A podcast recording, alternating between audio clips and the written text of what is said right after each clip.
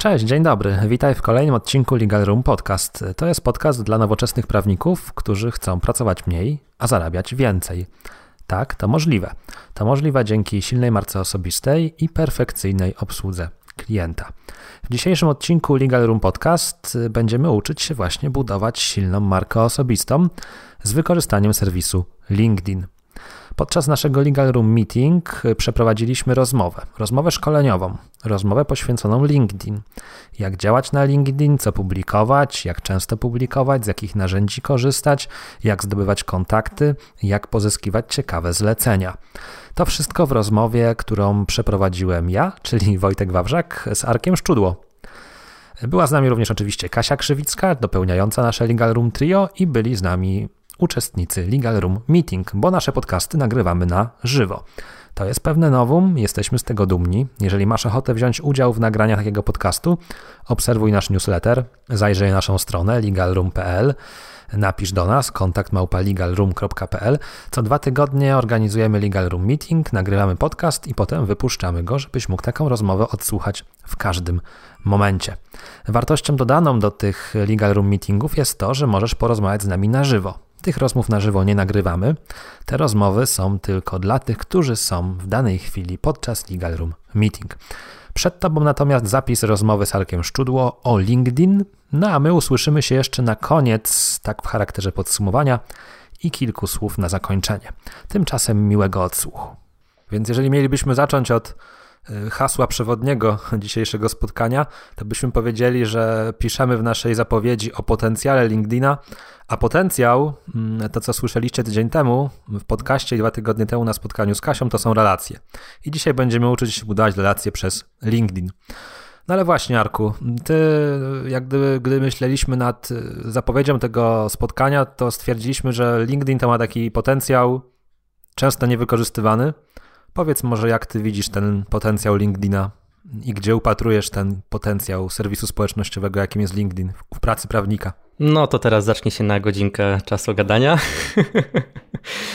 E, nie, natomiast e, podchodząc do tego na, jakby na serio, oczywiście dzisiaj będę opowiadał o LinkedInie pod kątem gdzieś tam swojego doświadczenia. E, natomiast myślę, że na start warto powiedzieć, że Jedna rzecz to słuchać prawników, jak oni działają na LinkedInie i co oni robią na LinkedInie w Polsce. Druga rzecz to słuchać takich prawników za granicą, a trzecia to zdecydowanie patrzeć, co robi branża e, inna, na przykład jakaś spokrewniona, którą my na przykład obsługujemy, żeby łapać te wzorce. Czyli na przykład jeżeli obsługujemy agencje marketingowe, no to patrzymy, jak takie agencje marketingowe się e, komunikują na LinkedInie, żeby móc też trafić do nich w ramach, w ramach jakichś tam ich akcji, jakichś dodatkowych, no nie? Ja będę cię dzisiaj, Jarek, cisnął bardzo, wiesz, tak będę je to upo uporządkowywał, no bo tu wszyscy chwalą, że podcasty uporządkowane, więc nie możemy popłynąć. Ja pytałem cię, Arku, o potencjał LinkedIna, a ty odpowiedziałeś jak taki rasowy polityk dookoła. Więc odpowiedz mi, Arku, dlaczego LinkedIn według ciebie, według ciebie ma duży potencjał? Tak, według mnie ma bardzo duży potencjał z tego względu, że mamy możliwość takiej bezpośredniej komunikacji z tymi osobami. Tak? Tutaj, tutaj Kasia e, na, na, na wstępie wspomniała o tym, że prawnicy dodają prawników, e, ślusarze, ślusarzy, tam spawacze, spawacze. Tak? E, to jest bardzo duży problem. Natomiast potencjał na LinkedInie myślę, że jest, e, że jest bardzo duży. E, sam działam na tym LinkedInie e, dosyć mocno i widzę, że jest tam, no, odpowiadając na Twoje pytanie, tak duży jest tam potencjał. Dobra, to. myślę, że zaraz wyjdzie, wyjdzie co dokładnie warto robić, żeby ten potencjał po prostu zwiększać. Chciałbym podrążyć może w pierwszej kolejności, bo mhm. zaraz nam ludzie powiedzą, no dobra, ale na Facebooku i Instagramie też jest potencjał. To dlaczego akurat LinkedIn? Z tego względu, że LinkedIn nastawiony jest na przynajmniej w teorii chociaż tutaj wiele osób się burzy, e, nastawiony jest na to, że to nie jest Facebook, tak? Czyli nie Facebooczymy na LinkedInie, mówiąc wprost. Jest coś takiego, że na LinkedInie, jeżeli ktoś napisze jakiś prywatny komentarz albo jakiś e, no, polityczny, oceniający to, co się aktualnie dzieje i tak dalej, to od razu są takie argumenty, że ktoś Facebooczy.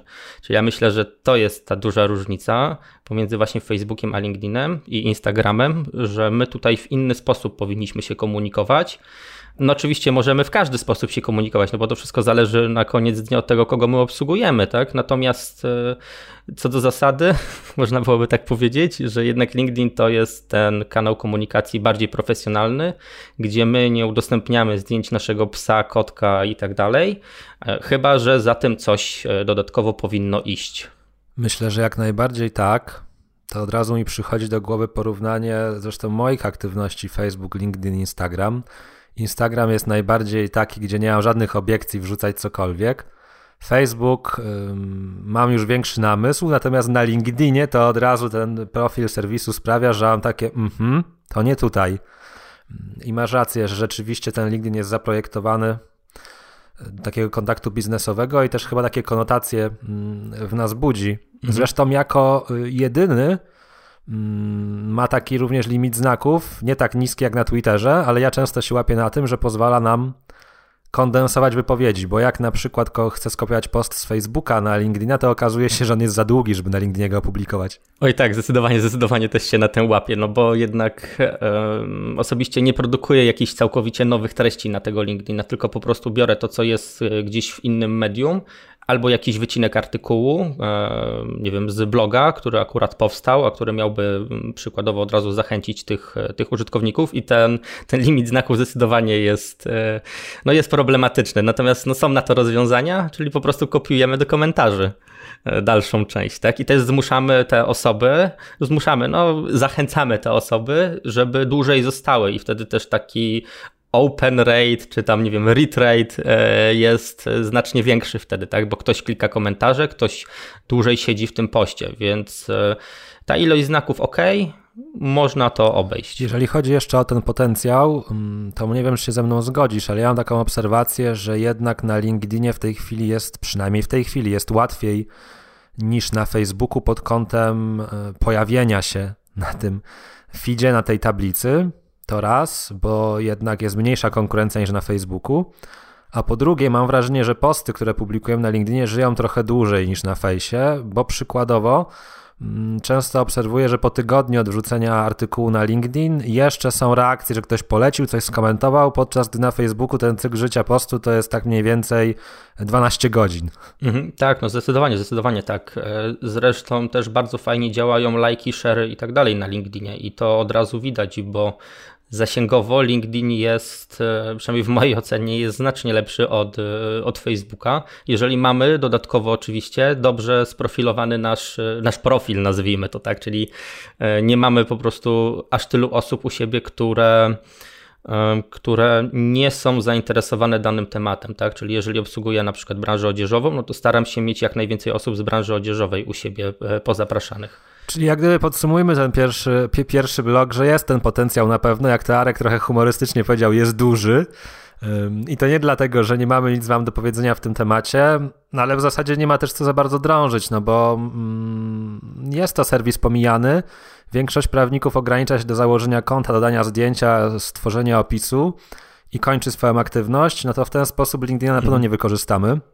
Natomiast przy tym potencjale to jest też, myślę, fajna okazja do tego, żeby rozprawić się z tym pytaniem Kasi, bo rzeczywiście, jeżeli pójdziemy w budowanie LinkedIna na zasadzie generowania kontaktów e, zawodowych w naszej branży, czyli będziemy zapraszać do kontaktów prawników bądź przyjmować zaproszenia od prawników i nic więcej, a przy tym będziemy tworzyć kontent skierowany do odbiorców, naszych klientów, no to faktycznie to nie ma sensu.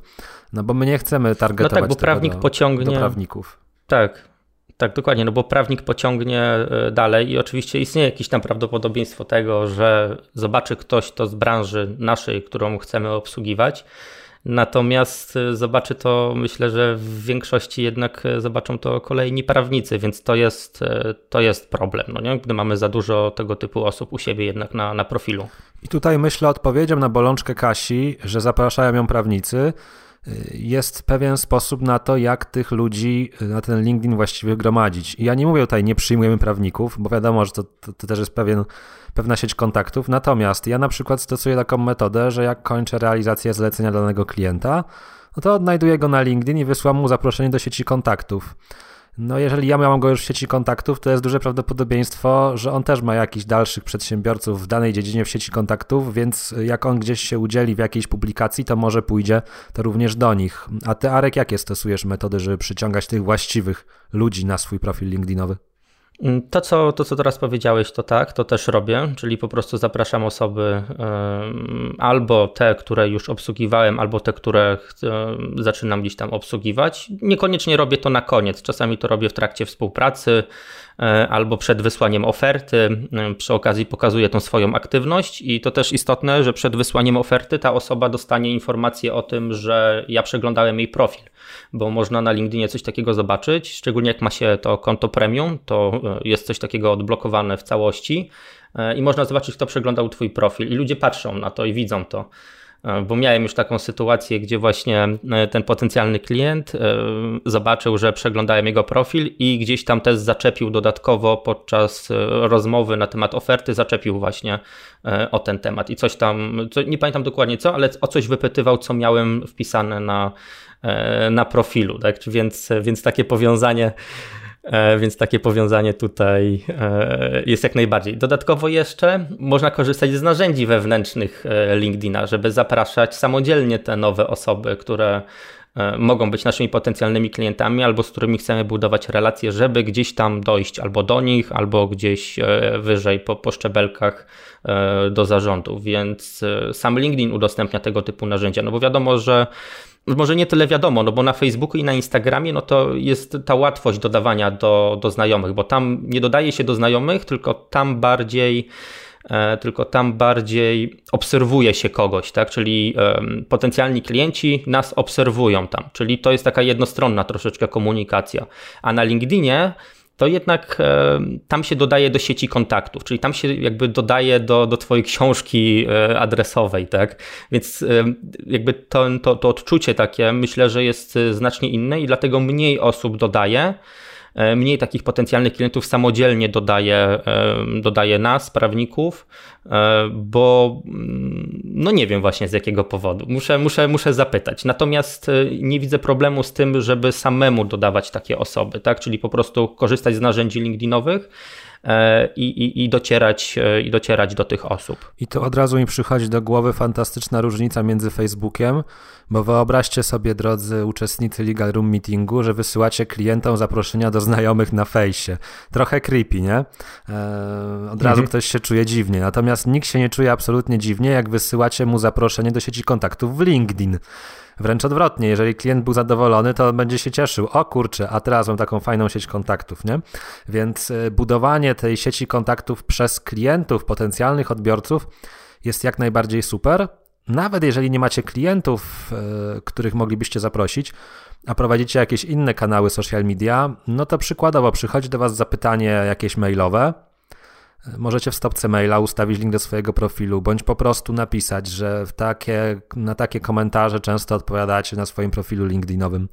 Generalnie wszędzie tam, gdzie mm, prowadzicie jakieś działania w social media, czy na blogu, czy na YouTubie, czy nawet na podstawowej stronie internetowej jest miejsce, żeby tego LinkedIn odsyłać i w ten sposób budować sobie tą sieć y, kontaktów, które będą korzystały z naszych treści jako potencjalni klienci, a nie jako partnerzy biznesowi o czym Kasia mówiła i o czym też wspomniała w komentarzu. Dokładnie. Tutaj również warto zwrócić uwagę na to, bo tu wspomniałeś o linkowaniach tak, do, do tego LinkedIna. Ok, no bo mm, pierwsza rzecz to zapraszanie potencjalnych klientów i klientów, druga rzecz to wysyłanie takich zaproszeń do tylko i wyłącznie jakichś tam prospektów, nazwijmy to w ten sposób, e, po marketing, marketingowemu. E, ale też jest taka opcja, żeby e, wszędzie, gdzie działamy, tak naprawdę odsyłać. Czyli jeżeli działamy na, na Facebooku, to odeślijmy część osób e, do LinkedIna. Działamy na Instagramie, to też odeślijmy część osób do LinkedIna, bo jednak tam są całkiem inne informacje zawarte w takich profilu, w takim profilu prawnika, niż na profilu, nie wiem, company page, czy tam jakimś firmowym Instagramie czy, czy Facebooku. Też warto na przykład w stopce maila mieć e, takie zaproszenie do, do swoich socjali. Jak piszemy newsletter, to na dole też dać link do, do socjali i zawsze ktoś się, e, ktoś się doda po prostu z tej naszej bazy. I tak mi przyszło jeszcze do głowy w charakterze takich tipów praktycznych, co zrobić, żeby jak najszybciej uzyskać efekt.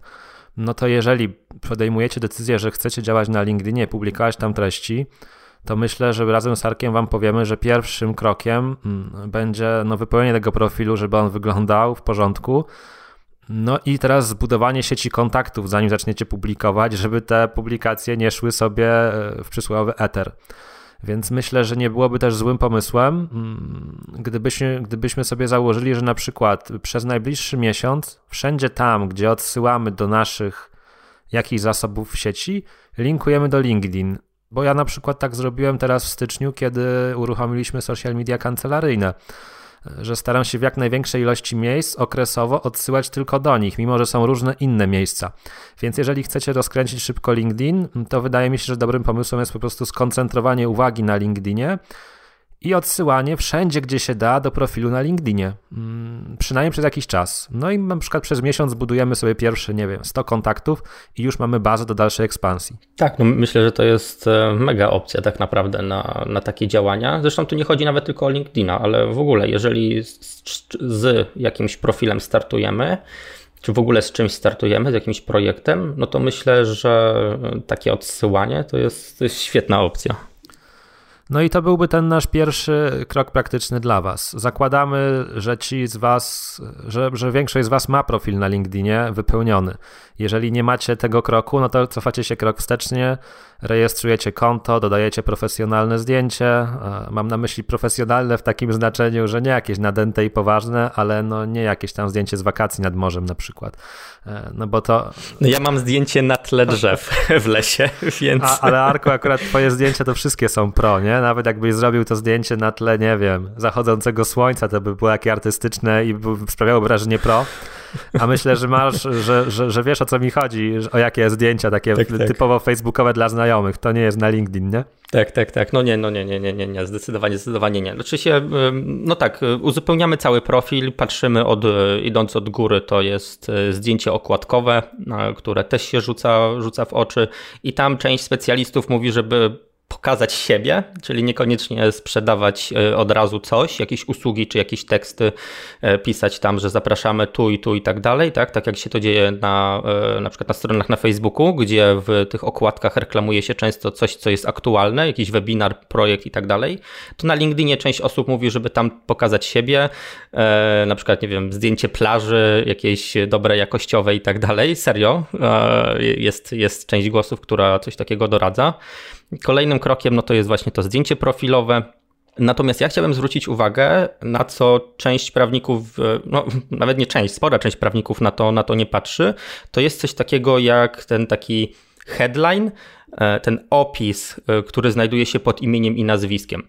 E, LinkedIn standardowo proponuje tam stanowisko i miejsce pracy, które jest aktualnie wykonywane, czyli jak wpisuje się w tym CV LinkedInowym jakieś tam no, swoje, miejsce, swoje miejsce pracy i stanowisko, to to od razu ląduje, ląduje w tym headline, w tym sloganie, nazwijmy to tak. Natomiast warto wiedzieć, że można to zmienić i tam należy wpisać to, czym my się zajmujemy. Ja mam na przykład napisane, że jestem prawnikiem e, branży odzieżowej i IT.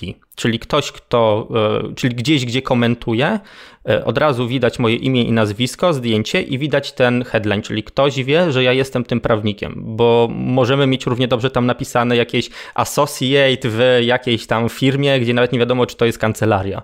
I co to znaczy associate? No, nikt tego nie wie, no nie? A w związku z tym warto wyedytować samemu ten, e, ten slogan, ten headline i wpisać tam wprost, e, czym się zajmujemy albo w czym możemy pomóc. Tam niektórzy mocno kreatywnie do tego podchodzą. Teraz nie dam takiego przykładu, natomiast e, no, myślę, że to też jest e, coś, na czym oko można zawiesić. Także tam można zdecydowanie zaszaleć w takim opisie. Jeżeli nie chcemy pisać na przykład prawnik od prawa pracy, to możemy tam napisać coś innego, bardziej kreatywnego. Ale żeby to było na pewno zachęcające i żeby ludzie wiedzieli, do kogo tak naprawdę się zgłaszają i kim jesteśmy. Bardzo cenna uwaga, Arku, i też wielka różnica e, z Facebookiem, bo przykładowo, na fa- jak no, tworzymy fanpage i potem nawet komentujemy jako fanpage, to żaden dodatkowy opis się nie wyświetla, wyświetla się tylko tytuł. Na LinkedInie wyświetla się imię i nazwisko, plus wyświetla się ten opis, o którym Arek mówił.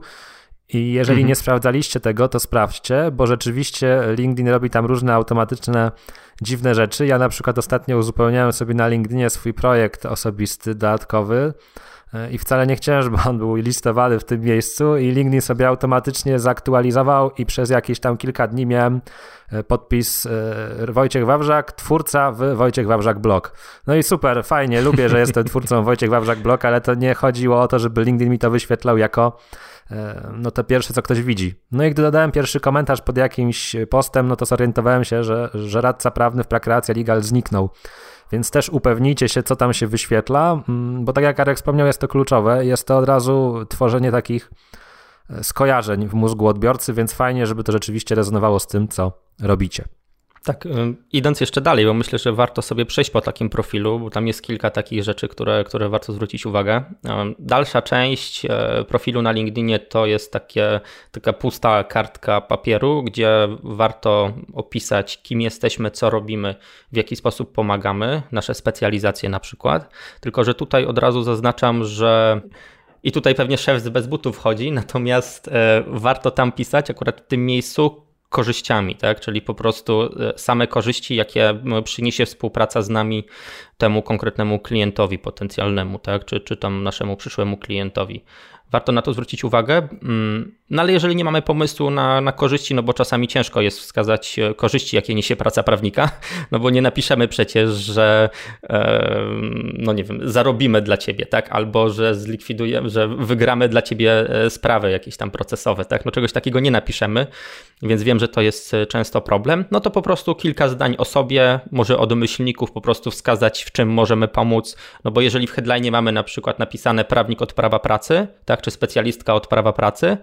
no to e, w tym, e, w tym opisie takim o mnie, about me możemy napisać e, coś więcej. Bardziej dokładnie czym się zajmujemy, czyli na przykład, że piszemy umowy pracownicze, zajmujemy się ZUS-em, jakimiś sprawami macierzyństwa i tak dalej, no nie? I myślę, że to jest znowu duża różnica między Facebookiem a LinkedInem, bo jak myślimy o uzupełnianiu informacji o fanpage'u na Facebooku, to każdy specjalista social media powie wam, że okay, miejcie to, ale tam i tak nikt nie zagląda.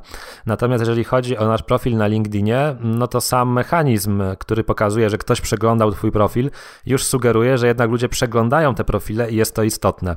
Więc nie marginalizujcie tego, o czym Marek mówi i naprawdę to uzupełnienie profilu, jakie solidne, no jest takim punktem wyjścia, bo potem jak zaczniecie generować ruch i okaże się, że wasz profil jest niedopracowany, to jest trochę tracenie mm, no, tej energii spędzonej na kierowaniu ruchu gdzieś, gdzie coś nie jest dopracowane.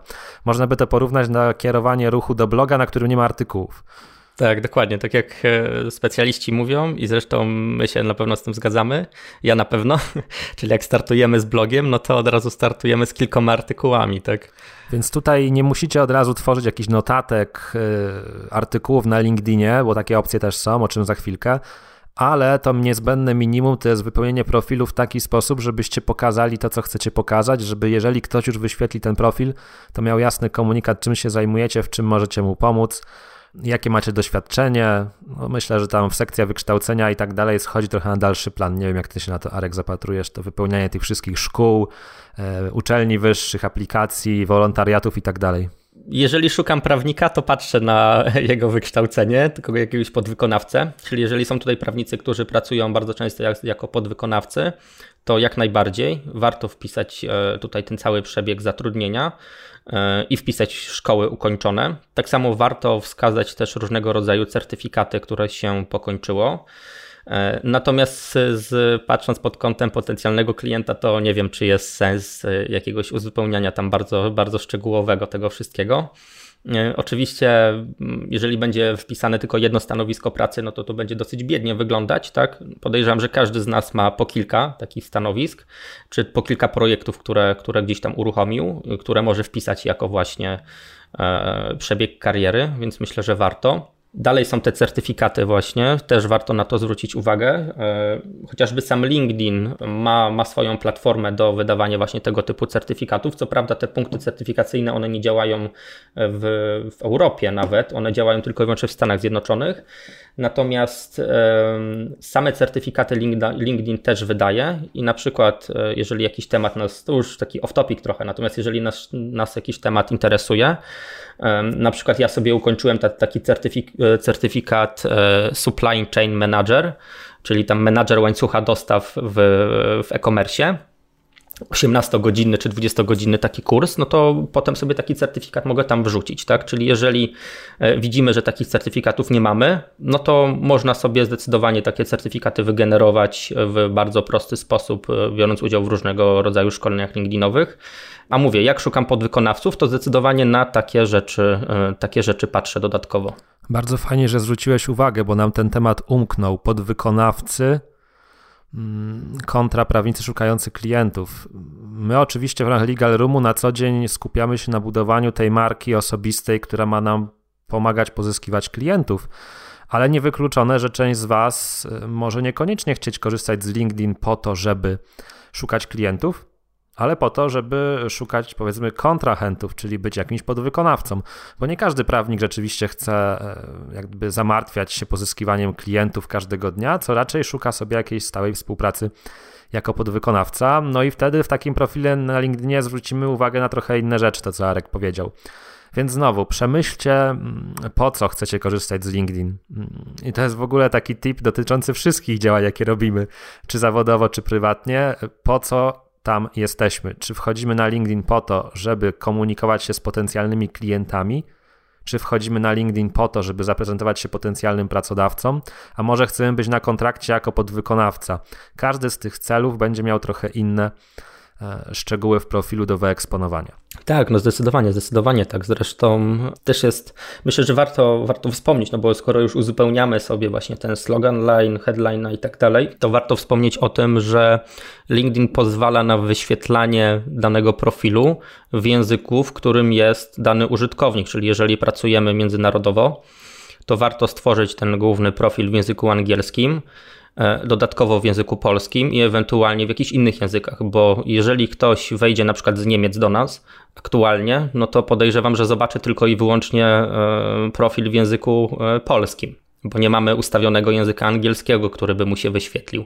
To też jest, myślę, dosyć, dosyć istotne, żeby coś takiego, coś takiego zrobić, bo skoro już uzupełniamy sobie te, te, te CV, tą ścieżkę kariery i tak dalej, to warto to robić co najmniej właśnie w, w tych dwóch językach. Dokładnie tak. I myślę, Arku, że na tym zakończymy blok pierwszy, czyli podstawy podstaw. Rozciągnęły się do 30 minut. E, to znaczy, jak prawidłowo w ogóle wypełnić swój profil, co tam zawrzeć, e, przemyśleć, z kim się komunikujemy i dlaczego e, i zadbać o te wszystkie szczegóły. Tak, ale myślę, że to jest bardzo duży problem, szczerze mówiąc, to jest fundament, z uzupełnianiem takiego profilu. No bo jak poprzeglądałem sobie przed naszym spotkaniem profile, profile prawników, którzy mnie gdzieś tam obserwują, no to zdecydowanie, no tam, tam wypada po prostu to, to zmienić. Zresztą sam LinkedIn, e, co prawda już dawno tego, jakby tej opcji nie mam u siebie, natomiast sam LinkedIn swojego czasu i podejrzewam, że dalej to jeszcze umożliwia, e, sam ocenia profil, co zostało uzupełnione, a co nie zostało uzupełnione i pamiętam, że przedstawiał to w formie procentowej, czyli na przykład, że 90% profilu jest uzupełnione, warto jeszcze te 10%, czyli coś tam jeszcze dodać. Także sprawdźcie to wszystko koniecznie, upewnijcie się, bo to takie będzie wyświechtane powiedzenie, ale no jak zaczynacie budować dom, to raczej zaczynacie od fundamentów, a nie od dachu. Hmm, więc tymi fundamentami jest prawidłowo wypełniony profil na LinkedInie pod kątem tego, do kogo chcemy dotrzeć, jakie cele osiągnąć. Jeżeli będziecie potrzebowali pomocy w takim zakresie, no to piszcie do nas na kontakt małpalegalroom.pl. Spróbujemy Wam w jakiś sposób pomóc, przejrzeć profil, mm, coś podpowiedzieć. Natomiast my od fundamentów przechodzimy dalej, może jeszcze nie do dachówki, ale powiedzmy przejdziemy do drzwi. Fundamenty mamy wylane, mamy ten nasz profil na LinkedInie, piękny, wypieszczony, wychuchany, wszystko już w nim jest tak jak trzeba. Pozysk pozyskaliśmy już również pierwsze kontakty, czyli pozapraszaliśmy klientów, poodsyłaliśmy w social media, coś zaczyna dziać na naszym profilu. No i teraz pojawia się pytanie, które pewnie spędza sens powiek sporej ilości osób. Jak podejść do tworzenia kontentu na LinkedInie? Co tam publikować, kiedy publikować, jak często publikować? No może Arek zaczniemy od e, jakiejś twojej takiej pierwszej wskazówki, która przychodzi ci na myśl, gdy myślisz sobie treść na LinkedIn, to jak ją tworzysz? Zdecydowanie treści edukacyjne, tak jak wszędzie indziej. Pokazujemy się od treści edukacyjnej. Też tutaj widzę, że gdzieś na czacie się pojawiło takie pytanie odnośnie kodeksu etyki. Do szczegółów oczywiście odeślemy do kolejnego podcastu, gdzie będziemy nagrywać na temat właśnie kodeksu etyki i, i, i jakby mm, tego typu ograniczeń, zakazów reklamy. Natomiast treści, treści edukacyjne możemy produkować wszędzie. Tak samo na LinkedInie. Jeżeli zrobimy treść, na przykład i opublikujemy ją na Instagramie i to będzie miało kilka punktów takich kluczowych, właśnie takie, takie mięso edukacyjne, no to nic nie stoi na przeszkodzie, żeby to samo zrobić na, na LinkedInie i udostępnić to bezpośrednio na LinkedInie. Także ja jestem jak najbardziej za treściami edukacyjnymi. Tam na LinkedInie z rzadka pokazuję siebie prywatnie, chyba że to jest związane takie, no, chyba, że to jest prywatno-biznesowe, tak? Natomiast zdecydowanie, zdecydowanie stawiam na treści edukacyjne, też z tego względu, że wtedy prawnicy, ok, prawnik zalajkuje to, ale prawnik nie udostępni, prawnik nie skomentuje i tak dalej. Wtedy ta aktywność jest bardziej nakierowana na tego potencjalnego klienta. Chyba, że naszym klientem jest prawnik, no to to już jest jakby inna para kaloszy, nie? Natomiast jeżeli naszym klientem jest i wiemy, kto jest, po pierwsze, może inaczej, po pierwsze wiemy, kto jest naszym klientem, czyli mamy zrobione persony, po drugie wiemy, w jaki sposób się do nich komunikować, więc e, wiemy, jakie treści będą ich e, interesowały. No i pewnie 99% to będą treści edukacyjne. Dokładnie tak. Treści edukacyjne e, rozwiązujące konkretne problemy. Jarek już też w swojej wypowiedzi to przemycił, że to nie musi być tak, że macie oddzielny zeszyt na publikacji na LinkedIn. W sensie, że musicie teraz wygospodarować dodatkowe przestrzenie czasowe czy finansowe na tworzenie treści po LinkedIn. Tak naprawdę mm, jedną treść, którą przygotowujecie, edukacyjną, rozwiązującą problem waszego potencjalnego klienta, tak jak Arek powiedział, możecie wrzucić na Instagram, na Facebook, ale i na LinkedIn. Więc po prostu tak naprawdę traktujemy w takim najbardziej podstawowym wydaniu, jeżeli ktoś nie ma więcej czasu, traktujemy ten LinkedIn jako kolejny kanał dystrybucji. Czyli poświęcamy czas na stworzenie treści, a potem na roz, rozdystrybuowanie we wszystkich kanałach. Tymi kanałami może być właśnie również LinkedIn. I może Wam się wydawać, że nie będzie zasięgów na LinkedInie, że to nie ma sensu, bo na Facebooku są zasięgi, bo teraz ludzie na Instagramie siedzą. Tutaj Arek za chwilę powie o swoich doświadczeniach. Ja powiem od swoich chwilkę, że też mi się tak wydawało, dopóki Arek mnie nie zainspirował do bardziej e, przyjrzenia się LinkedInowi bliżej.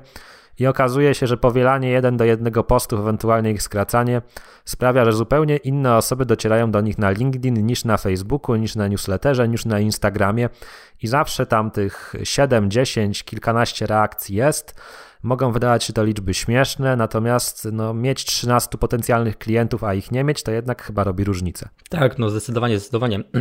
Zresztą e, u mnie to widzę pod kątem branży odzieżowej. E, na LinkedInie mam więcej osób, które są aktywne, z którymi gdzieś tam piszę e, buduję relacje, które są z okolic na przykład Łodzi, z Lublina i tak dalej, tak? Czyli to są te takie, no nie wiem jak to nazwać, może mekki e, branży tekstylnej, tak? Czyli takie szwalnie, nieszwalnie, krawcowe, które potrzebują pomocy i tego typu podmioty.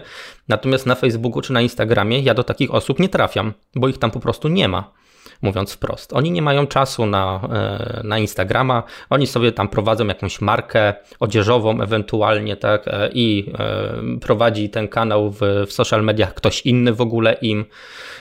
Natomiast no właśnie, Łódź, e, Łódź i Lublin. Natomiast na, poprzez LinkedIna ja mogę trafić bezpośrednio do, e, do tych osób. Czy to są pracownicy, czy to są e, osoby na poziomie zarządu. Poprzez LinkedIna jestem w stanie do nich dotrzeć. Tutaj też nie, nie wspomnieliśmy, a, a był poruszony ten temat zapraszania, zapraszania tych osób. Natomiast myślę, że warto wspomnieć o takim narzędziu w ramach LinkedIna, jakim jest Sales Navigator.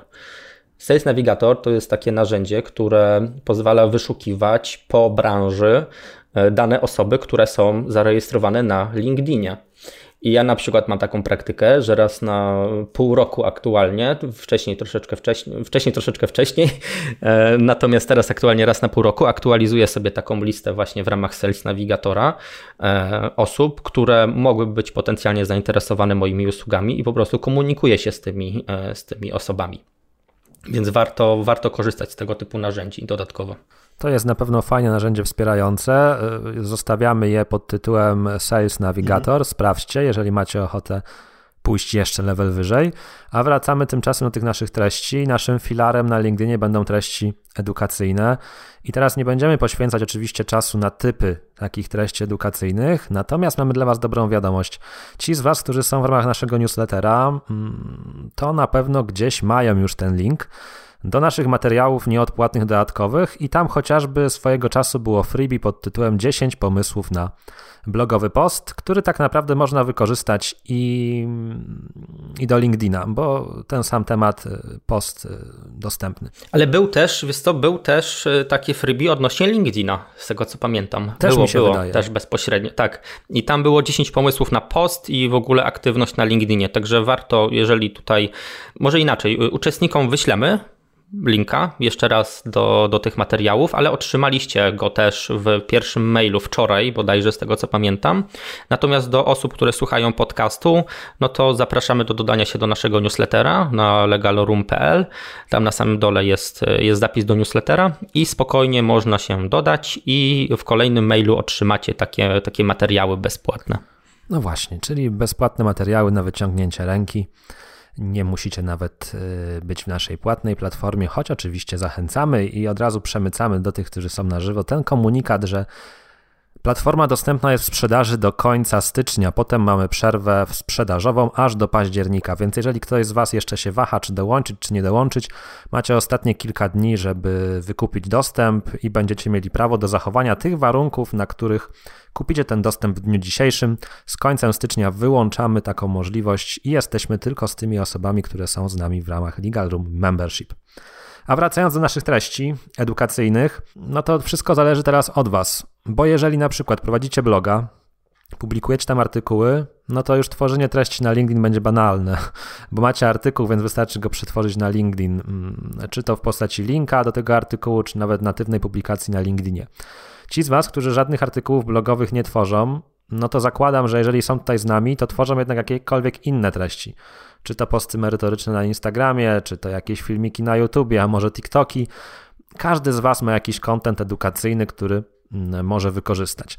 Więc kontent edukacyjny to jest pierwsza rzecz. Pomyślcie, jak go wykorzystać na swoim LinkedInie.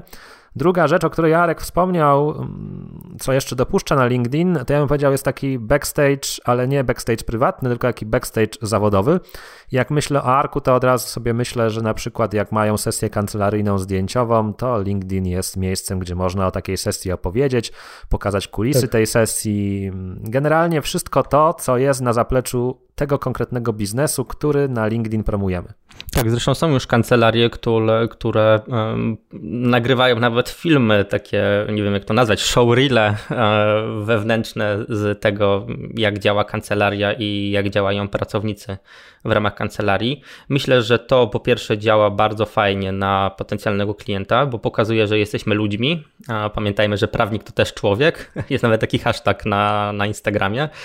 Natomiast z drugiej strony to też działa w ramach takiego employee brandingu, tak? Czyli jeżeli jest to większa kancelaria i szuka nowych osób do pracy, no to jak najbardziej pokazanie takiego wnętrza kancelarii też bardzo, e, bardzo fajnie rezonuje wśród, e, wśród obserwujących. Czyli po treściach edukacyjnych dodamy backstage zawodowy, Tutaj, jeżeli ja mógłbym coś podpowiedzieć, to raczej e, starać się jednak równoważyć to raczej w kierunku treści edukacyjnych, e, żeby nie stało się to konto LinkedInowe takim e, przeglądem celebryckiej kancelarii i są tam tylko tak. treści z backstage'u zawodowego, bo to jest taki, myślę, podstawowy błąd poznawczy w ogóle we wszystkich social mediach, to znaczy tam ludzie nie przychodzą większości do prawników po to, żeby oglądać ich życie non-stop i myśleć sobie, jak te prawnicy są fajni, tylko jednak przychodzą po rozwiązania problemów.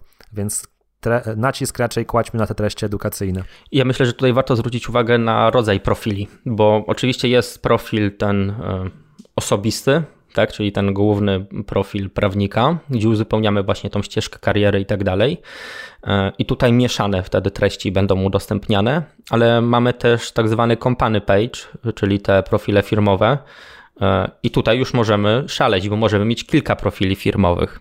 Jeżeli pracujemy w dużej kancelarii, to na pewno, e, znaczy w dużych kancelariach jest coś takiego, że jest profil główny, który jest nastawiony bardziej na klienta, e, natomiast jest jest też właśnie taki profil, e, który jest dostępny bardziej dla pracownika. I w ramach tego są różnego rodzaju newsy wewnętrzne, w ramach takiego profilu też są informacje o jakichś tam, nie wiem, nagrodach, konkursach, jakichś wewnętrznych, tak? Jest e, po prostu życie e, wewnętrzne kancelarii pokazane i większe kancelarie coś takiego, coś takiego robią. W Polsce może nie do końca, chyba jedną czy dwie takie kancelarie znam, natomiast za granicą, w Europie nawet, e, ta praktyka jest znacznie, znacznie szersza. Czyli warto tutaj też to rozgraniczyć, bo na company page'u, tym takim głównym, no oczywiście tutaj też będą treści mieszane, tak? Natomiast jeżeli mamy dedykowany jakiś, no to w takim przypadku oczywiście mm, wtedy dedykowane treści. Też jeżeli na przykład mamy jakiś dział edukacyjny, czyli profesjonalnie zajmujemy się e, szkoleniami, tak? Nie po prostu, że to jest dodatkowa usługa, tylko że to jest jakby wyodrębniony całkowicie projekt albo wyodrębniony całkowicie zasób ludzki, nazwijmy to tak. To też warto na przykład dla takiego projektu e, czy zasobu po prostu stworzyć całkiem odrębny company page i wtedy też te treści nie będą się nam e, mieszały. Fajnie, że wspomniałeś o company page, mm, bo to też było jedno z tych e, zagadnień, które chciałem z Tobą poruszyć. Mianowicie już kilka razy mi się przewinęło na LinkedInowej tablicy, e, przewinęły mi się wątki poświęcone profil osobisty, konta company page, z takim utyskiwaniem, że te company page mają jednak dużo mniejsze zasięgi interakcje niż profile osobiste. Powiedz Arku, jak ty widzisz ten temat, czy jeżeli mamy do czynienia z prawnikiem powiedzmy pojedynczym, czyli prowadzi tę kancelarię radcy prawnego, kancelarię adwokacką, jednoosobową póki co, czy dla niego jest sens od razu bawić się w taki company page, czy lepiej zostać przy tym tylko imieniu i nazwisku i tym profilu takim, nazwijmy go osobistym? No, w mojej ocenie ten company page, czyli ta strona firmowa, ona różni się od strony firmowej na Facebooku, bo na Facebooku strona firmowa, od strony firmowej wymaga się jakiejś aktywności, czyli publikowania postów i tak dalej. Natomiast na LinkedInie jeżeli jesteśmy jednoosobową kancelarią, to możemy taki, tylko mówię, to jest w mojej ocenie, tak? Możemy potraktować taki kompany page po prostu jako dodatkową wizytówkę, bo po pierwsze ona będzie się wyświetlała e, w wynikach wyszukiwania, a druga rzecz, e, no tam damy e, opis dodatkowy, tak, czym się zajmujemy w ramach kancelarii damy tam swoje logo, stronę internetową i tak dalej. I dodatkowo da się powiązać tą stronę firmową z też profilem, tak? Czyli jeżeli my piszemy tą, opisujemy tą swoją ścieżkę kariery, a nie mamy e, takiego company page'a, no to mm, napisanie kancelaria adwokacka, adwokat Arkadiusz Szczudło po prostu będzie, e, nie będzie linkowało nigdzie, tak? Będzie po prostu pustym tekstem, a jak e, stworzymy sobie company page o takim samym, takiej samej nazwie, to LinkedIn od razu nam będzie linkował do tego company page'a. Natomiast ja nie widzę nie widzę potrzeby aktywności na takich profilach, jeżeli nie mamy na to jakiegoś konkretnego pomysłu. Oczywiście możemy tam pisać to samo, e, co piszemy na profilu prywatnym, może nie prywatnym, na profilu głównym, e, osobistym, osobisto-biznesowym. Nie wiem, jak to nazwać, no nie? Czy to jest profil biznesowy, ale biznesowy to też jest company page, więc ciężko to e, może, może gdzieś tam się mylić. Natomiast wtedy nie będzie powodu, e, żeby ten użytkownik, żeby ten obserwujący, potencjalny klient czy prawnik inny, żeby nas dodał, e, do, żeby się dodał sam do tego company page'a, no bo w końcu już śledzi profil, więc po co ma te same treści dostawać jeszcze gdzieś tam na, na stronie firmowej. Więc jeżeli nie mamy pomysłu, to nie widzę potrzeby jakiejś specjalnej aktywności akurat w tego rodzaju profilu, ale warto go stworzyć oczywiście. Bardzo fajna, cenna rada, myślę, bo stworzenie tego company page'a to nie jest znowu jakaś wielka pracochłonna praca.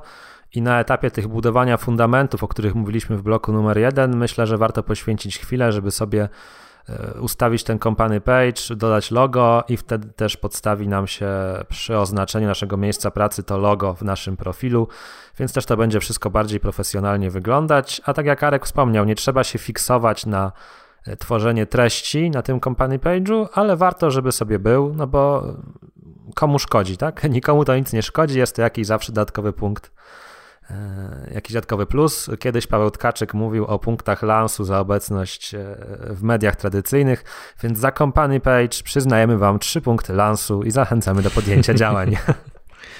Zresztą w ogóle prowadzenie, myślę, że każdego profilu w mediach społecznościowych powinno być oparte w ogóle o zasadę recyklingu treści, tak? Czyli jeżeli tworzymy e, jakiś artykuł na bloga, no to potem inny wycinek na przykład dajemy z tego bloga, z tego artykułu na LinkedIna, inny wycinek na wiem, Twittera, inny wycinek na Instagram i inny na Facebooka. E, I po prostu patrzymy co, gdzie, jak żre i co może zainteresować daną, e, daną osobę. A jeżeli mamy ten artykuł blogowy, to tak naprawdę jesteśmy w stanie masę różnego rodzaju treści dodatkowych stworzyć. Jeżeli nie mamy bloga, prowadzimy mm, na przykład kanał na YouTubie albo w ogóle nagrywamy jakieś tam e, filmy, no to też warto czy to transkrypcję, czy krótki opis e, tego, tego, tego wideo, albo nawet cytat z tego wideo wyciągnąć i po prostu wrzucić to dalej, e, dalej na tego LinkedIna. Myślę, że warto testować bo to też nie jest tak, że te same zasady rządzą się na Instagramie, Facebooku i na LinkedInie. E, oczywiście na taki, no, taki przykład, e, przykład na przykład, e, linkowanie do treści zewnętrznych akurat w żadnym medium nie działa dobrze. Tak? LinkedIn tego nie odczytuje jako dobrą treść, tak samo nie odczytuje tego, tego Facebook. Natomiast warto zwrócić uwagę na coś takiego, że jeżeli my oznaczymy jakąś osobę na LinkedInie, a widzę, że też gdzieś tam są tego rodzaju próby, przynajmniej na samym początku robienia, że jeżeli piszemy jakiś post edukacyjny, to potem oznaczamy 20 osób e, na, na LinkedInie. To jest coś takiego, coś takiego się dzieje, natomiast nie polecam tego robić, bo te osoby muszą się wykazać aktywnością. Jeżeli one nie wykażą się aktywnością, to wtedy ten post spada, tak? czyli jest niżej. E, I warto na to zwrócić uwagę, myślę, że myślę, że na samym początku. Tak, generalnie te praktyki pod tytułem oznaczanie też je zaobserwowałem ostatnio, nawet sam byłem kilka razy oznaczony. Mm, powiem szczerze, to ciężko, ciężko stworzyć taki post, który sprawi, że ja poczuję się fajnie, że jestem oznaczony. To raz na jakiś czas się może sprawdzić jak nie wiem, ktoś robi jakieś zestawienie inspirujących podcastów i w jakiś sposób łechcze czyjeś ego, ale jak to jest taki stricte post edukacyjny i po prostu jest, wiesz, oznaczenie ciebie, a może coś dodasz od siebie, no to jak piąty raz z rzędu jestem tak oznaczony, to już budzi się we mnie irytacja, że po prostu jest to pewien sposób na to, żebym ja się zaangażował i podbił tym samym komuś konto, bo on skorzysta z mojej rozpoznawalności. Tak to widzę i myślę, że z twojej wypowiedzi też ten wniosek wypływał. Tak, zdecydowanie, zdecydowanie, zdecydowanie tak. No bo jeżeli tworzymy raporty albo bierzemy udział w różnego rodzaju raportach, albo jakichś tam, nie wiem, właśnie takich podsumowaniach, nie wiem, top 10 blogów prawniczych czy coś takiego, no to, no to wiadomo, to wtedy nawet napisanie dziękuję, tak, to jest ok, no nie? Natomiast jeżeli tworzymy treść edukacyjną i my tą treść edukacyjną chcemy pokazać innym, innym nieprawnikom, innym potencjalnym klientom, to nie oznaczajmy ich. To już lepiej, żebyśmy wysłali tą treść edukacyjną w prywatnej wiadomości na LinkedInie, niż, niż mieli oznaczać te osoby. Czyli mamy wylane fundamenty, mamy nasz profil, mamy również treść, czyli co na, tej, co na tym LinkedInie publikować i myślę, że tu byśmy chcieli podkreślić, żeby to wybrzmiało. Nie trzeba mieć jakichś wielkich pokładów czasowych i morza pomysłów, żeby tworzyć treści na LinkedInie, bo to co Arek wspomniał o recyklingu treści jest jak najbardziej możliwe do zrobienia. Ze swojej strony może jeszcze dodam taką obawę, z którą niektórzy z Was mogą się spotkać. To znaczy, czy publikowanie tego samego w wielu miejscach nie wpływa negatywnie. Mm, też kiedyś miałem taką myśl, skonsultowałem ją e, z człowiekiem, który pomaga mi social media i, i on rozwiał te wątpliwości raz, a dobrze.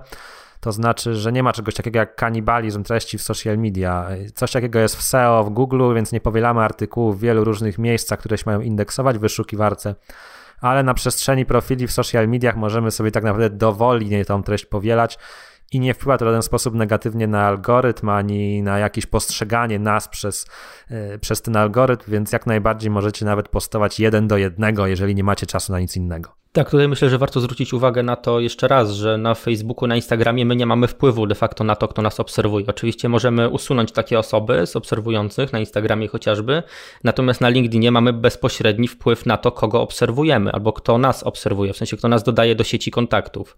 Więc e, jeżeli z rozmysłem działamy na tym LinkedInie i intencjonalnie i po prostu wiemy, co, co chcemy robić i co chcemy tam osiągnąć, to jesteśmy w stanie wyłapać, e, czy dana osoba na przykład śledzi nas na, śledzi nas na Instagramie również, czy nie. I wtedy po prostu ewentualnie, jeżeli się okaże na koniec dnia, no bo pewnie gdzieś tam abstrakcyjnie można przyjąć, że te osoby będą, że osoby na LinkedInie, Instagramie, Facebooku będą dosłownie te same, chociaż wątpię.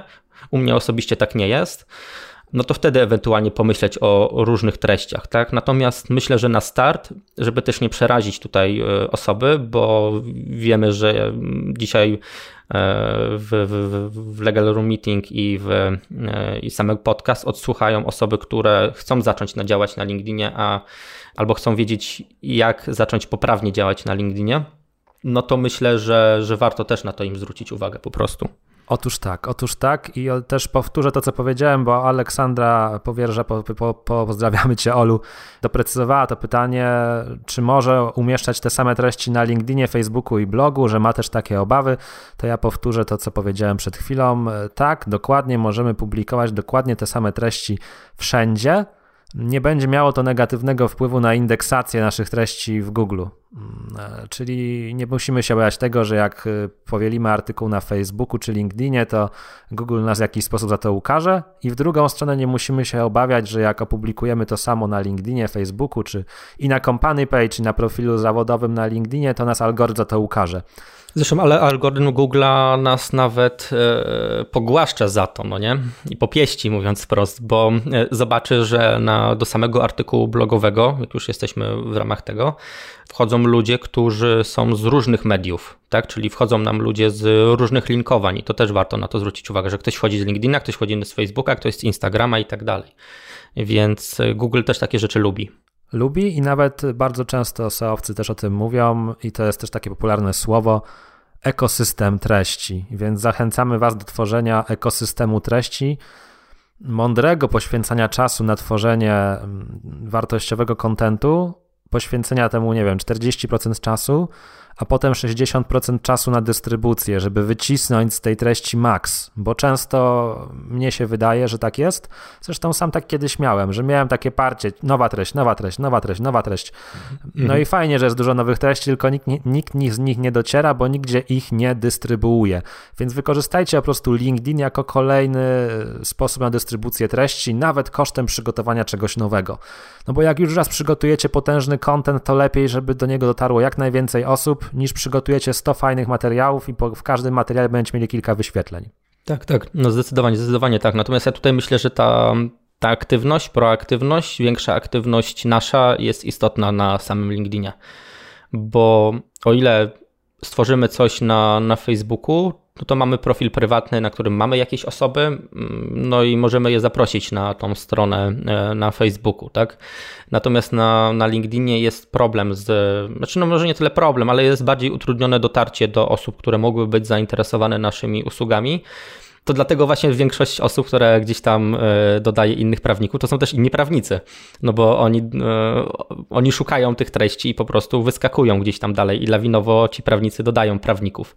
Natomiast jest problematyczne, jest utrudnione dodawanie, mm, e, poszukiwanie, może inaczej, jest problematyczne poszukiwanie osób, które byłyby zainteresowane jako klient naszymi, naszymi usługami. I ja myślę, że ta proaktywność na tym LinkedInie jest dodatkowo bardzo istotna. Oprócz produkcji produkowania tych treści edukacyjnych i kopiowania tych treści edukacyjnych. Myślę, że warto, e, warto to warto wspomnieć, bo zaraz się może okazać, że e, ktoś nam zarzuci, że co będę tworzył treści edukacyjne i tyle. No nie, na LinkedInie trzeba dodatkowo jeszcze wykazać się tą aktywnością, e, trzeba komentować, trzeba zapraszać osoby, które, które mogą gdzieś tam być zainteresowane, trzeba pisać do nich wiadomości, trzeba budować relacje. Dokładnie, bardzo dobrze, że o tym wspomniałeś, bo jak gdyby powiedzieliśmy o tym w ramach fundamentów, w zaproszaniu ludzi, budowaniu zainteresowania profilem, ale to nie jest tak, że to jest proces, który zrobimy jako pierwszy krok i kończymy.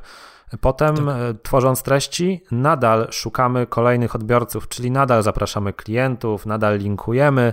Też Arek wspomniał o fajnej metodzie, to znaczy udzielania się w postach w których mamy coś do powiedzenia merytorycznego, bo sam to zaobserwowałem ostatnio, że wystarczy krótki komentarz pod jakimś postem, którym interesuje się moja grupa docelowa. i potem ludzie patrząc na mój komentarz sami wchodzą do profilu i wyświetla się to, że przeglądał twój profil i sobie myślisz skąd on się tam znalazł, patrzysz na dyskusję, a to jest gość, który też brał udział w tej dyskusji. Tak, w ogóle warto, e, jak już coś takiego zrobiliśmy i weszliśmy to w tą opcję, e, szczególnie gdy mamy premium, weszliśmy w tą opcję e, podglądu, kto nas widział, to warto zaprosić te osoby, które przeglądały nasz profil. To też jest bardzo fajna, fajna praktyka, bo te osoby już wykonały pierwszy krok, żeby, żeby nas poznać, tak? I zainteresowały się w jakiś sposób, mniejszy lub większy, tym, kim jesteśmy. I tak kończąc wątek tych treści, żeby już powoli zbliżać się też do końca naszego spotkania, blok trzeci będzie najkrótszy, ale w tym bloku drugim poświęconym tworzeniu treści chciałem Ci, Arek, ostatnie pytanie zadać. E, LinkedIn to tekst, grafika czy wideo? To zależy. E, I Powiem kurtyna. tak. I kurtyna, tak. Według specjalistów aktualnie czyste treści, czyli bez linków, bez grafik, bez niczego Natomiast e, to byłby nudny profil, tak mi się wydaje, przynajmniej wizualnie. Mnie by jakoś e, raziło to. Oczy bym sobie wydubał, gdybym coś takiego miał tylko i wyłącznie. Więc ja osobiście robię wszystko, czyli i linkuję, i robię czyste posty, i robię share w ramach, e, w ramach samego LinkedIna też bezpośrednio e, uploaduję krótkie wideo, bo tam jest ograniczenie do 15 minut, z tego co pamiętam na, na LinkedInie, więc też nie można za długich wideo tam puszczać. Więc myślę, że warto sprawdzić wszystko, bo to, że jakiś specjalista powie, że coś działa, coś nie działa, to okej, okay, no nie? ale on nie zna naszej branży, on nie zna naszych, naszych klientów, których my mamy. A może akurat, nie wiem, treści wideo albo treści z grafikami i z linkowaniami będą lepiej działać na osoby, które obserwujemy. Więc tutaj myślę, że warto, warto sobie sprawdzić wszystko, warto sobie potestować. Ja osobiście po tych wszystkich testach i tak dalej, to zostaję przy tym, że po prostu zawsze mam jakąś treść graficzną dodatkowo. Czy to jest forma wideo, czy to jest forma jakiejś grafiki czy takiej, nie wiem, pseudo-karuzeli LinkedInowej, to zawsze coś dodatkowo dodaję. Czyli tak naprawdę różnorodność i testowanie, czyli nic nowego. Natomiast jeżeli chodzi o te grafiki, to mm, zgadzam się z tym, o czym teraz często się mówi, że w zasadzie mamy już taki nawyk scrollowania wszystkich feedów, w tym również LinkedInowego feeda, że najpierw przyciąga uwagę grafika jak nas zainteresuje, to zaczynamy rozwijać i czytać. I myślę, że ten trend się będzie niestety utrzymywał, biorąc pod uwagę trudności z koncentracją i ilość bodźców, więc w 100% zgadzam się z Alkiem, że warto jakieś elementy wizualne przemycać. No tak, bo są takie, nie wiem jak to nazwać, keczaje, takie łapacze naszych, naszych oczu, naszego wzroku i tak dalej, więc warto, warto sprawdzać, warto testować tylko też z, z jakimś takim umiarem na tych, na tych grafikach, tak? Czyli nie czerwone całe grafiki z jakimiś tekstami, chyba że to ma jakiś sens, tak? Albo to jest jakiś e, twój brand color. Jeżeli chodzi o to tworzenie treści, różnorodnych treści, to różnorodne treści według harmonogramu czy spontaniczność? Mm, mam harmonogram na Facebooka, mam powiedzmy i pod tego Facebooka dostosowuję harmonogram e, do innych, e, innych projektów, w sensie do innych e, socjali.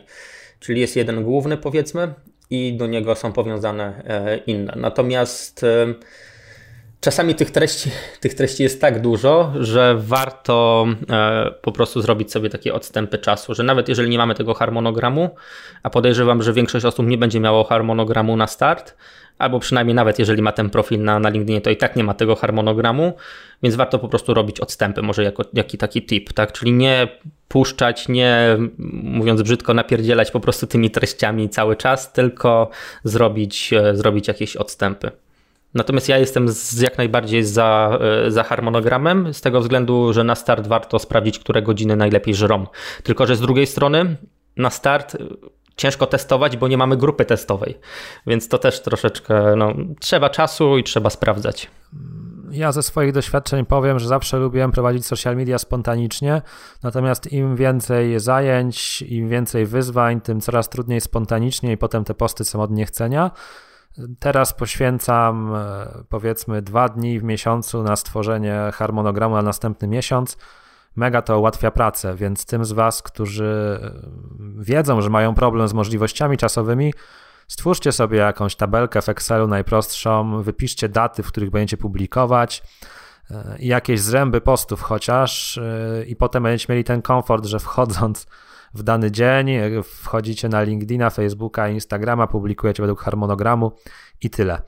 Można też na przykład taki harmonogram tworzyć projektowo, tak? czyli uznać, że mamy teraz projekt miesiąc z LinkedInem, tak? albo miesiąc z prawem pracy, promowania się w ramach prawa pracy, tak? albo nie wiem, wypuszczamy jakiś kurs online, albo jakieś dokumenty czy coś i po prostu w ramach tego projektu tworzyć, e, tworzyć konkretny e, harmonogram, czyli nie powiązywać tego, że tak powiem, z codziennością, tylko z konkretnymi, e, konkretnymi projektami, bo tak może być e, łatwiej po prostu niż tam sobie zwizualizować, jak to wszystko ma, miałoby wyglądać. To teraz na koniec e, treści ulubione pytanie zadawane we wszystkich książkach. Dane narzędzie dla żółtodziobów, taki format amerykański.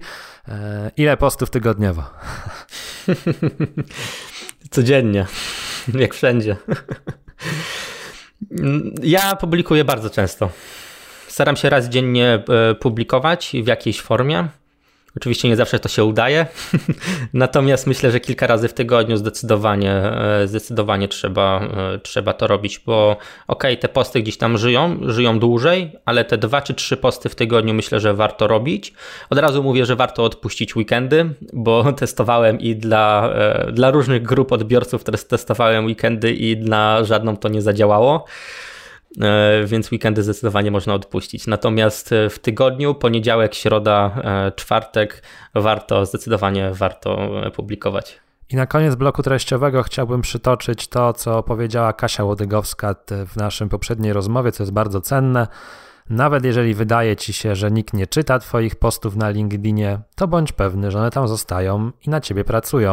Mm, czyli nawet jeżeli mamy bardzo małą grupę nie zrażajmy się tym, że mamy 5 poleceń, 10 reakcji. Wszystko to zostaje i pracuje na nas przez długie, długie lata później. Dokładnie tak. Powinieneś powiedzieć amen. Amen. Amen, ramen.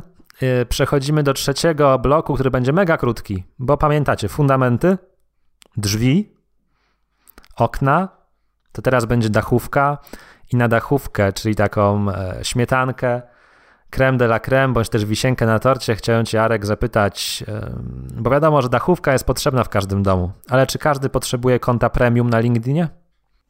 Nie. Nauczony pierwszym pytaniem krótko odpowiadać nie. Nie każdy potrzebuje. Myślę, że tutaj istotne jest to, co my chcemy robić finalnie na, na tym LinkedInie i jakie funkcje mieć dostępne, bo jeżeli na przykład posłuchacie mnie i będziecie chcieli komunikować się z osobami, które Was obserwują, w sensie nie obserwują, z tymi osobami, które was odwiedzają, gdzieś tam ad hoc, no to wtedy trzeba mieć konto premium. Nawet nie warto, tylko trzeba, bo inaczej będziemy widzieli trzy ostatnie osoby, czy tam dwie ostatnie osoby, nie, trzy ostatnie osoby.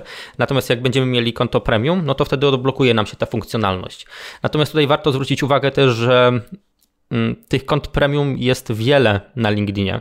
To nie jest tak, że jest tylko jedno konto premium, gdzie masz dostęp do wszystkiego jest konto premium dostępne e, w związku z e, tymi kursami e, online, o których mówiłem i tymi certyfikatami. To jest inne konto premium, takie edukacyjne.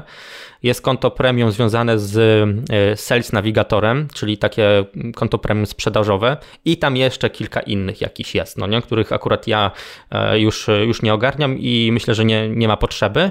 Myślę, że to konto Sales Navigatora na koniec dnia warto, warto posiadać, przynajmniej przez jakiś okres czasu, czyli na przykład raz na pół roku, na miesiąc czasu wykupić i zaktualizować sobie bazę, e, bazę klientów i bazę sieci kontaktów, bo Sales Navigator na coś takiego pozwala. Jeżeli chcemy brać udział w e, różnego rodzaju gdzieś tam szkoleniach w ramach LinkedIna i tak dalej, no to wtedy warto na przykład wykupić sobie to konto premium e, edukacyjne.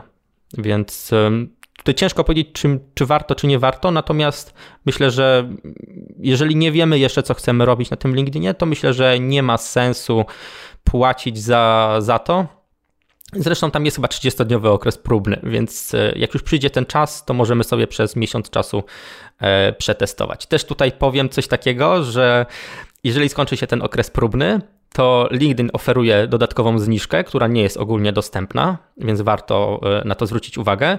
Potem kolejny miesiąc, jak już będziemy chcieli zrezygnować, to przy rezygnacji LinkedIn proponuje kolejną zniżkę, więc warto też z tego skorzystać, bo to jest zniżka typu 50%, jak nie więcej. Chyba za trzecim czy czwartym razem dopiero LinkedIn nie proponuje e, kolejnej zniżki, więc spokojnie przez e, płacąc za, nie wiem, miesiąc czasu mamy trzy miesiące tak naprawdę korzystania z premium i z Sales Navigatora i treści edukacyjnych i cokolwiek tam sobie chcemy. To jest dokładnie, pięknie, idealnie dobrana oferta, tak jak nasza oferta Legal Room Membership, która wygasa z końcem stycznia, więc e, teraz u nas też możecie kupić jeszcze na super warunkach dostęp do membershipu, ale potem dopiero w październiku.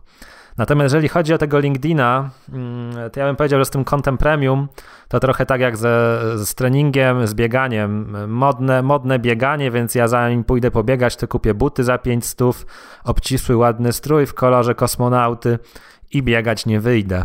Więc najpierw sprawdźcie, co, co tam szumi na LinkedInie, jak potraficie się tam ogarniać, a potem pomyślcie o premiumie i niech was nie powstrzymuje to, że nie macie premium na początku, bo wasz mózg będzie produkował taką wymówkę. Nie no, nie mam w tym miesiącu pieniędzy, żeby kupić premium, to ja zacznę na Instagramie miesiąc później. No to jest bardzo zła wymówka, ale chyba nie musimy wam o tym mówić.